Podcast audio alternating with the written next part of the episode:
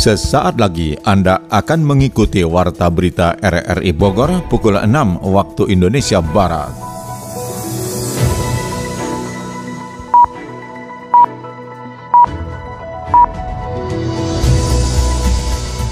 Selamat pagi, saudara. Kita kembali bersua lewat Warta Berita Minggu 2 Juli 2023. Berita akhir pekan kami isi dengan rangkuman berita sepekan. Siaran ini juga dapat Anda dengarkan melalui audio streaming RRI Playgo dan dapat Anda dengarkan kembali lewat podcast kami di Spotify, Anchor, Podtail, dan Google Podcast. Bersama saya Mukhlis Abdillah, inilah rangkuman berita sepekan selengkapnya.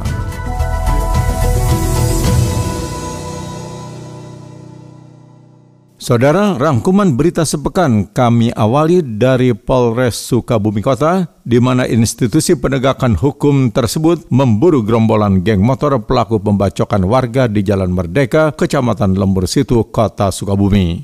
Aksi brutal itu disarankan langsung melalui akun Instagram salah satu terduga pelaku. Adi Fajar menurunkan catatannya. Polisi tengah memburu segerombolan geng motor pelaku pembacokan warga di Jalan Merdeka, Kecamatan Lembur Situ, Kota Sukabumi. Aksi brutal itu direkam pelaku dengan disiarkan langsung melalui akun Instagram salah satu terduga pelaku. Kapolsek Lembur Situ AKP Agus Herman mengatakan, saat ini tim unit reskrim telah berhasil mengidentifikasi pelaku anggota geng motor dan tengah mengumpulkan bukti-bukti. Agus mengatakan salah satu terduga pelaku yang melakukan live streaming di sosial media itu memudahkan aparat kepolisian untuk mencari identitas pelaku yang melakukan penganiayaan tersebut. Kaitannya dengan kejadian bahwa ada telah terjadi pengeroyokan, penganiayaan yang mengakibatkan salah satu warga mengalami luka-luka ya, baik di bagian kepala, tangan maupun bagian pinggang. Untuk sementara langkah-langkah yang telah kita lakukan sudah berupaya kita mencari informasi dari warga masyarakat termasuk mencari dari CCTV yang berada di sekitar ini. Untuk itu mungkin mohon doanya supaya kasus ini segera terungkap dan kita masih tetap mengumpulkan informasi maupun bukti yang lain. Polisi menduga para pelaku merupakan gerombolan geng motor lebih dari lima orang. Saat ini Polsek Lembur Situ dibantu dengan Satreskrim Polres Sukabumi masih melakukan pengejaran terhadap para pelaku penganiayaan. Sementara ini pelaku disinyalir perkirakan ini masih gerombolan bermotor ya, belum teridentifikasi masih kita upayakan. Kemudian di RT 4 RW 4 Jalan Merdeka dekat SMK 4. Atas kejadian brutal itu, korban berinisial MFS 25 tahun menderita luka bacokan akibat sabetan senjata tajam. Korban saat ini masih menjalani perawatan insentif di RSUD Almul, Kota Sukabumi. Polresta Bogor Kota berhasil mengungkap sejumlah kasus kriminalitas jalanan dari hasil laporan warga yang masuk ke nomor lapor Kapolresta 0878 100 157. Selengkapnya dilaporkan Sony Agung Saputra. Aparatur Polresta Bogor Kota melakukan penanganan terhadap laporan warga yang masuk ke nomor lapor Kapolresta 0878 100 157. Hal itu terlihat saat adanya pengungkapan sejumlah kasus kriminalitas jalanan dari mulai tawuran, curanmor, peredaran miras hingga pengendara dengan knalpot brong. Senin siang di Mapolresta Bogor Kota, Jalan Kapten Muslihat. Kapolresta Bogor Kota Kombes Pol Bismo Teguh Prakoso menjelaskan dari aduan masyarakat yang masuk pihaknya langsung melakukan penanganan dengan memburu pelaku yang sudah meresahkan warga dengan mengganggu keamanan dan ketertiban masyarakat. Dari laporan masyarakat itu, maka polisi bisa mengetahui rekam jejak suatu tindak kejahatan di sebuah wilayah karena masyarakat secara partisipatif memberikan informasi adanya gangguan kantipas yang menyebabkan mereka terganggu dalam aktivitas sehari-hari. Nomor aduan saya ya 0878 100 157 dan alhamdulillah antusias dan dukungan masyarakat itu mengalir kepada kita untuk mendukung Kamtipmas yang ada di wilayah Bogor Kota. Kita setiap malamnya melakukan kegiatan patroli, ada dari lalu lintas, ada Raimas, ada Garda, ada Kujang, ada quick respon Polres dan Polsek. Ini tujuan adalah memberikan rasa aman bagi masyarakat baik siang hari ataupun malam hari.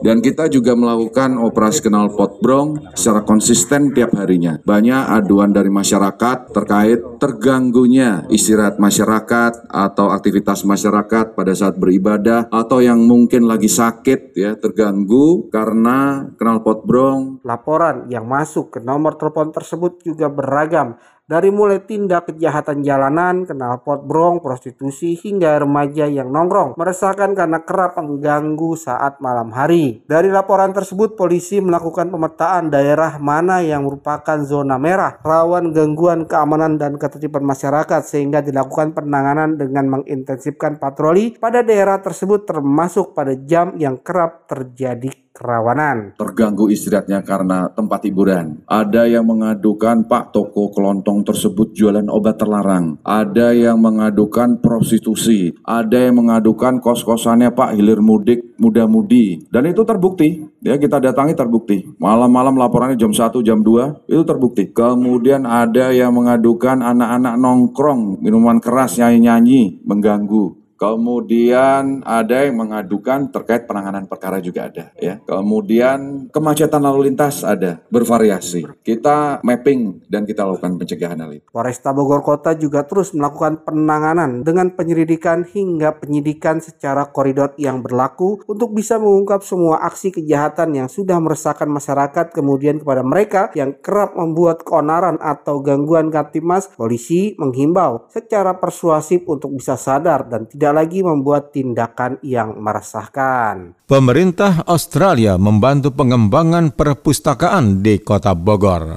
seperti dilaporkan Sony Agung Saputra. Upaya edukasi kepada masyarakat dalam meningkatkan minat baca berlangsung dari pemerintah Australia untuk pengembangan perpustakaan di Kota Bogor. Saat ini pemerintah Kota Bogor memang terus melakukan pengembangan perpustakaan yang baru saja mendapatkan revitalisasi sehingga menjadikan tempat yang nyaman untuk membaca dari berbagai disiplin ilmu dalam dan luar negeri. Wali Kota Bogor Bima Arya menjelaskan semangat masyarakat untuk tetap dapat meningkatkan minat dalam membaca buku harus tetap berlangsung sehingga pengetahuan literasi tetap terjaga. Saat ini banyak literasi buku digital yang bertebaran secara online, namun bagi dirinya tetap lebih nyaman untuk membaca secara fisik karena bisa merasakan semangat penulis dari halaman demi halaman lembar kertas dari setiap buku yang dibaca sehingga masyarakat tetap harus mendapatkan tempat yang layak untuk membaca buku di perpustakaan dengan adanya kerjasama pemerintah Australia. Yang tidak tergantikan dengan buku. Ya, bagi saya buku masih menjadi kebutuhan utama. Saya masih kurang nyaman untuk membaca buku digital dengan iPad dan sebagainya. Saya masih ingin memegang buku, wanginya bukunya dan sebagainya gitu itu beda buat saya. Dan saya lihat itu juga yang terjadi.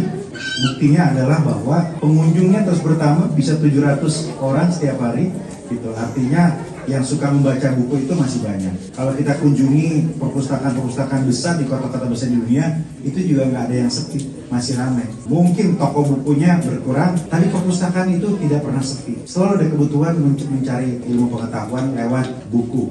Dan buku itu kalau dikoleksi itu nilainya semakin tambah. Sementara itu Duta Besar Australia untuk Indonesia Penny William mengungkapkan untuk bisa meningkatkan minat baca maka pemerintah Australia melakukan sejumlah terobosan dengan menyediakan buku bacaan kepada masyarakat sesuai dengan yang diminati. Untuk itu pemerintah Australia bersama pemerintah Indonesia termasuk pemerintah daerah Kota Bogor melakukan pengembangan perpustakaan sehingga pembaca dari sisi anak tetap mendapatkan edukasi dari buku sebagai jendela ilmu. Buku-buku Indonesia juga penting untuk orang Australia dan salah satu koleksi terbesar buku dan majalah Indonesia adalah di perpustakaan nasional di Canberra. Dan saya ada staff dan perpustakaan itu yang apa ya, mengkoleksi buku-buku Indonesia. Sebab saya uh, ada apa, banyak interest di Australia juga. Dan saya dan Pak uh, Wali Kota belajar di ANU yang ada Fakultas Asian Studies yang mengajar bahasa Indonesia, sejarah Indonesia. Pengembangan terhadap perpustakaan Indonesia akan terus berlanjut sebagai komitmen dari pemerintah Australia untuk bisa bersama mencerdaskan anak bangsa menjadi generasi terdidik dengan adanya sumber bacaan berkualitas. Semangat bener joggingnya. Iya tuh kudu semangat biar tetap sehat nih bu. Sehat kan mahal. Ih, setuju bu. Kalau udah sakit mah boro-boro olahraga ya Yang ada masuk rumah sakit. Bener kalau kata orang mah mensana incorpore sano alias di dalam tubuh yang sehat teh terdapat jiwa yang kuat, Bu. Ini teh ngomong-ngomong mau jogging ke mana, Bu? Mau jogging ke alun-alun, sekalian cuci mata ah, Bu. Di sana kan suka banyak barang obral murah siapa tahu dapet. Atuh kalau gitu saya mau ikut jogging ah, biar sehat juga. Sekalian beli barang obralan. Eh, eh, eh, ibu mau ke mana ini teh? Mau jogging apa? Biar sehat. Kalau ibu jogging nanti bapak sarapan apa? Beli nasi uduk di Janap aja ya. Bu, bentar ya Bu, saya ganti legging macan dulu.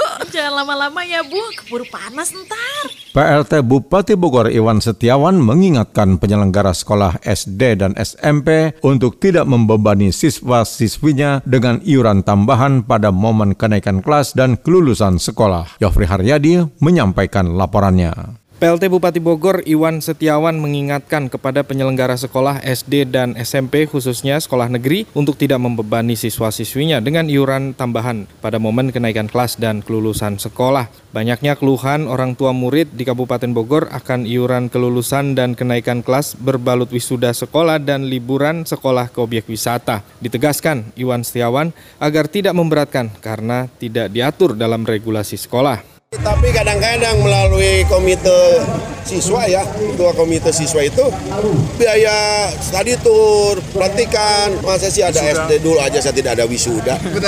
Tidak pernah ada dulu. Ini sekarang gaya-gaya begini, kecuali tabungan dari awal ya. Tapi ini kan mendadak. Study tour, sekalian wisuda ini, ini. hindarilah. Saya juga melarang. Buat apa? Ini wisuda itu hanya mahasiswa kok. Iya.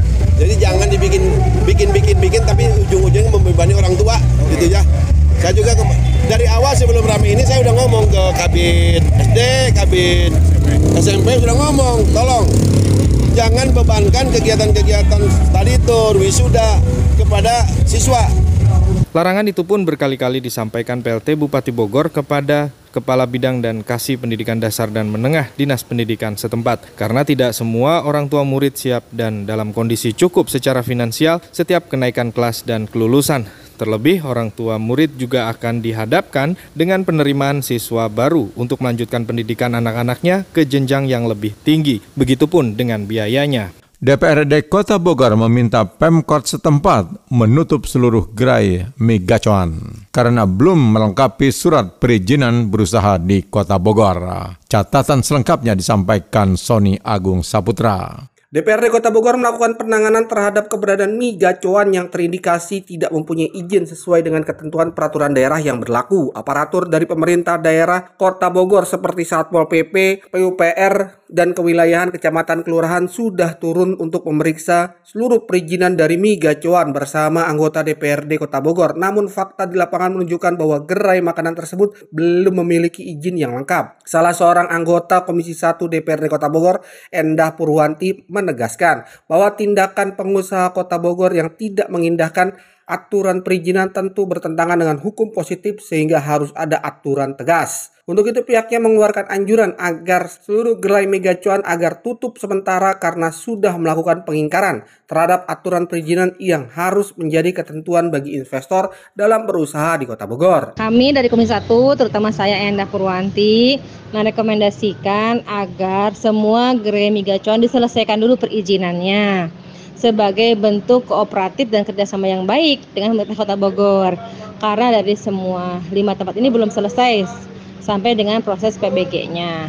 Oleh karena itu salah satu rekomendasi kami adalah menutup sementara gerai tersebut sampai semua proses perizinannya diselesaikan. Selanjutnya pengawasan akan berlangsung kepada pemerintah Kota Bogor sebagai fungsi dari DPRD Kota Bogor sehingga penutupan sementara hingga menuju penutupan secara total harus berlangsung terutama pada gerai Megacuan di Jalan Baru Tanah Sareal Kota Bogor. Menurut saya ini untuk pelajaran untuk kita semua agar sama tertib dalam administrasi dan dalam penegakan perda dan aturan regulasi sementara ditutup. Dan yang jalan baru harusnya hari ini yang Saleh Iskandar per hari ini harusnya sudah mulai operasional dihentikan sementara. Nantinya DPRD Kota Bogor akan kembali melakukan pemanggilan terhadap SKPD terkait untuk melihat sejauh mana penanganan yang berlangsung terhadap kelima gerai mie gacuan agar tertib dan patuhan hukum dalam berinvestasi di Kota Bogor dapat tercipta. Ikatan Manajer Artis Indonesia ikut memeriahkan program tebar hewan kurban dompet duafa seperti dilaporkan Yofri Haryadi. Ikatan Manajer Artis Indonesia Imarindo meriahkan program tebar hewan kurban dompet duafa di zona Madania Parung Bogor dalam giat penyembelihan hewan kurban pada Idul Adha 1444 Hijriah. Kegiatan penyembelihan berlangsung serentak di seluruh wilayah perwakilan dompet duafa di Indonesia. Khusus untuk zona Madinah Parung Bogor tercatat 105 ekor domba dan satu ekor sapi yang disembeli dan dibagikan kepada warga penerima manfaat. Pada kegiatan tersebut Ketua Imarindo Roberto Peter mengungkapkan rasa bahagianya dapat menjadi bagian dalam program pemberdayaan dari Dompet Duafa dan memberi manfaat kepada warga tidak mampu.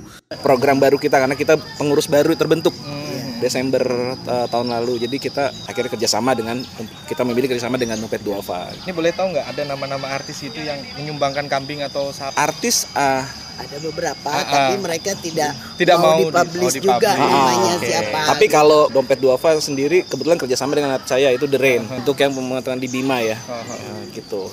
Pernah kerjasama juga jadi dengan dengan uh, terus lama dengan artis saya The Rain berapa kali dompet duafa. Yeah.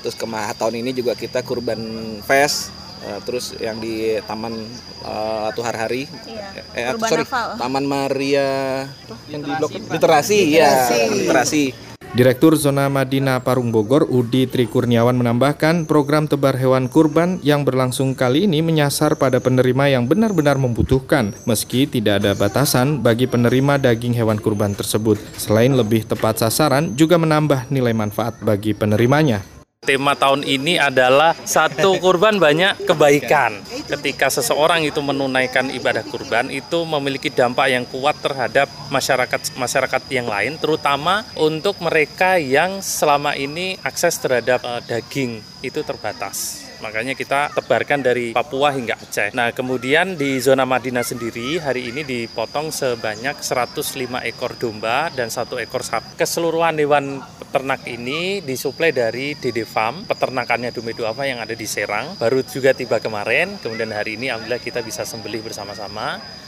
Ibadah kurban memiliki nilai manfaat yang sangat meluas bagi masyarakat, baik dari peternak hewan hingga masyarakat yang berada di lingkaran agribisnis dan turunannya. Ada 32 ribu lebih hewan kurban disembelih dari para jamaah melalui dompet duafa di seluruh Indonesia. Mereka berkurban melalui berbagai platform baik secara langsung maupun digital melalui situs resmi milik lembaga filantropi tersebut. PHRI Kota Bogor mencatat tingkat hunian hotel pada libur Idul Adha 1444 Hijriah mencapai 80 persen. Kita simak catatan Adi Fajar.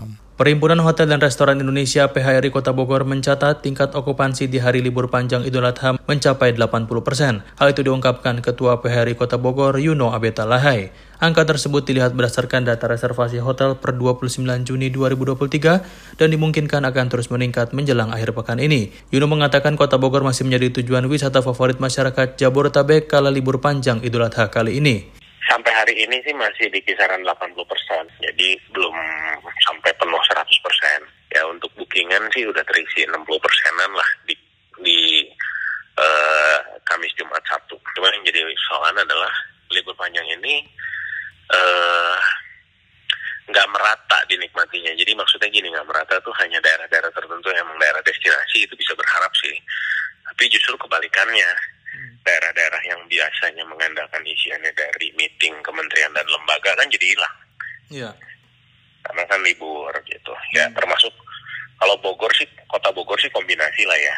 Yuno mengatakan tingkat okupansi hotel tersebut sejalan dengan masyarakat yang hendak berwisata di kota Bogor. Para pengelola tempat wisata sedang mempersiapkan beragam promo menarik untuk menggugah minat wisatawan. Untuk itu ia berharap momen libur panjang Idul Adha tahun ini bisa menjadi titik balik meraup keuntungan bagi sektor wisata dan perhotelan. Dari sisi market kayaknya udah keterisi udah terisi dengan yang berwisata karena meeting kementerian kan udah nggak ada dari hari dari hari ini gitu. Ini terakhir lah kemarin masih hmm. ada. Hari ini udah terakhir.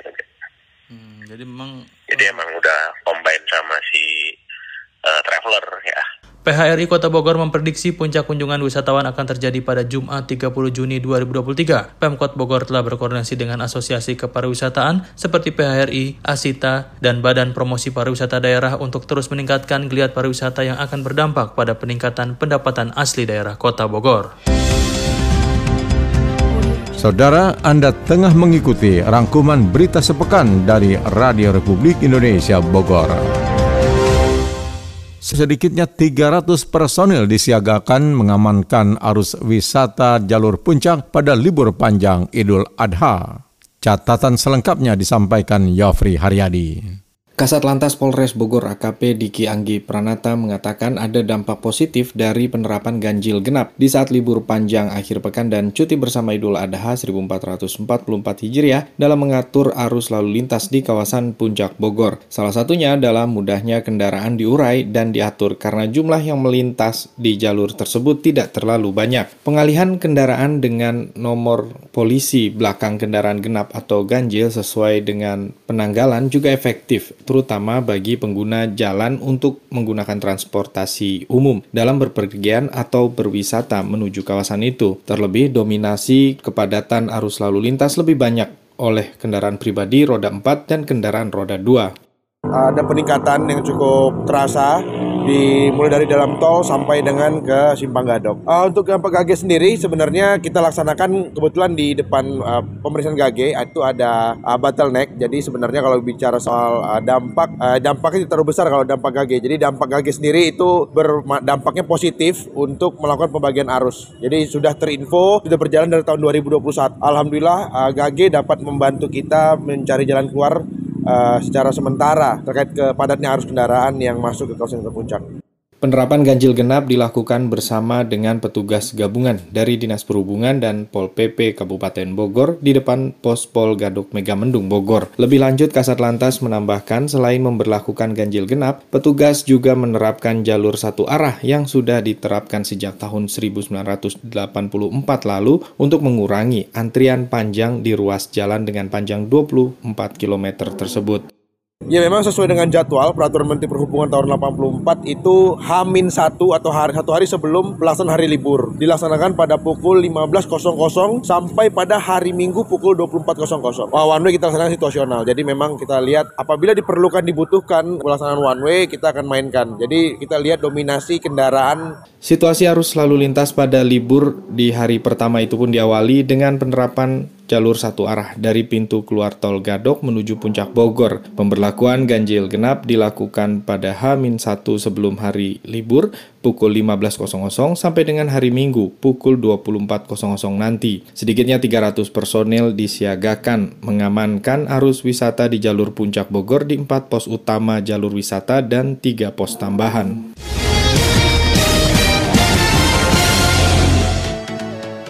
Perpani Kabupaten Bogor siap mencetak atlet-atlet muda berprestasi. Informasi selengkapnya disampaikan Ermelinda. Masa depan olahraga panahan Kabupaten Bogor boleh dikatakan sangat cerah. Pasalnya Perpani Kabupaten Bogor yang dikomandoi Rusliandi saat ini sudah banyak memiliki puluhan atlet masa depan yang berasal dari berbagai klub panahan di Kabupaten Bogor. Saat ini Perpani Kabupaten Bogor sudah memiliki sekitar 13 klub anggota Perpani dan selama ini mereka sangat aktif dalam melakukan latihan setiap harinya. Joko Sulistyo, salah satu pengurus Perpani Kabupaten Bogor, mengatakan Perpani Kabupaten Bogor sudah memiliki 13 klub anggota dan berlatih di berbagai tempat salah satunya saja Pakansari. Harapannya adalah karena Popnas juga di tahun ini, jadi harapannya atlet-atlet yang kita bina ini bisa berprestasi di Popda, kemudian bisa lanjut ke Popnas gitu, dan mungkin bisa dilirik oleh uh, pelatih-pelatih uh, internasional yang di lebih tinggi lagi gitu sih mungkin. Banyaknya klub dan juga potensial atlet tentunya ini akan sejalan dengan visi dan misi Perpani Kabupaten Bogor yang akan mengoptimalkan potensi atlet lokal di bumi Tegar Beriman. Perpani Kabupaten Bogor juga punya sarana latihan yang sangat bagus dan ini juga menjadi modal bagi Perpani untuk mencetak atlet potensial masa depan. Sementara itu Perpani Kabupaten Bogor juga saat ini sedang disibukkan dengan agenda Pekan Olahraga Pelajar Daerah atau Popda Jabar. Martino pelatih Perpani Kabupaten Bogor mengatakan harapannya agar atlet binaannya bisa untuk terus terus mencari poin prestasi sebanyak mungkin agar para atlet binaannya bisa terus masuk dalam event-event besar ke depannya. Atlet yang tercantum dalam klub kurang lebih ya ada tujuh bulan. Tujuh lebih. Ya? Kumpul semua. Semua berlatih. Saya kalau kita punya kenapa enggak dimanfaatkan? Tergantung kita mau apa enggak. Kalau kita mau, ayo. kita cari dan dan kita ternyata pun juga bisa kemarin bisa meloloskan 21 atlet. Kabupaten Bogor sudah memiliki agenda seleksi para pemanah yang akan diterjunkan pada pelaksanaan Popda Jabar 2023. Selain itu, Perpani juga akan menurunkan para atlet yang punya peluang meraih medali pada Popda Jabar 2023 ini.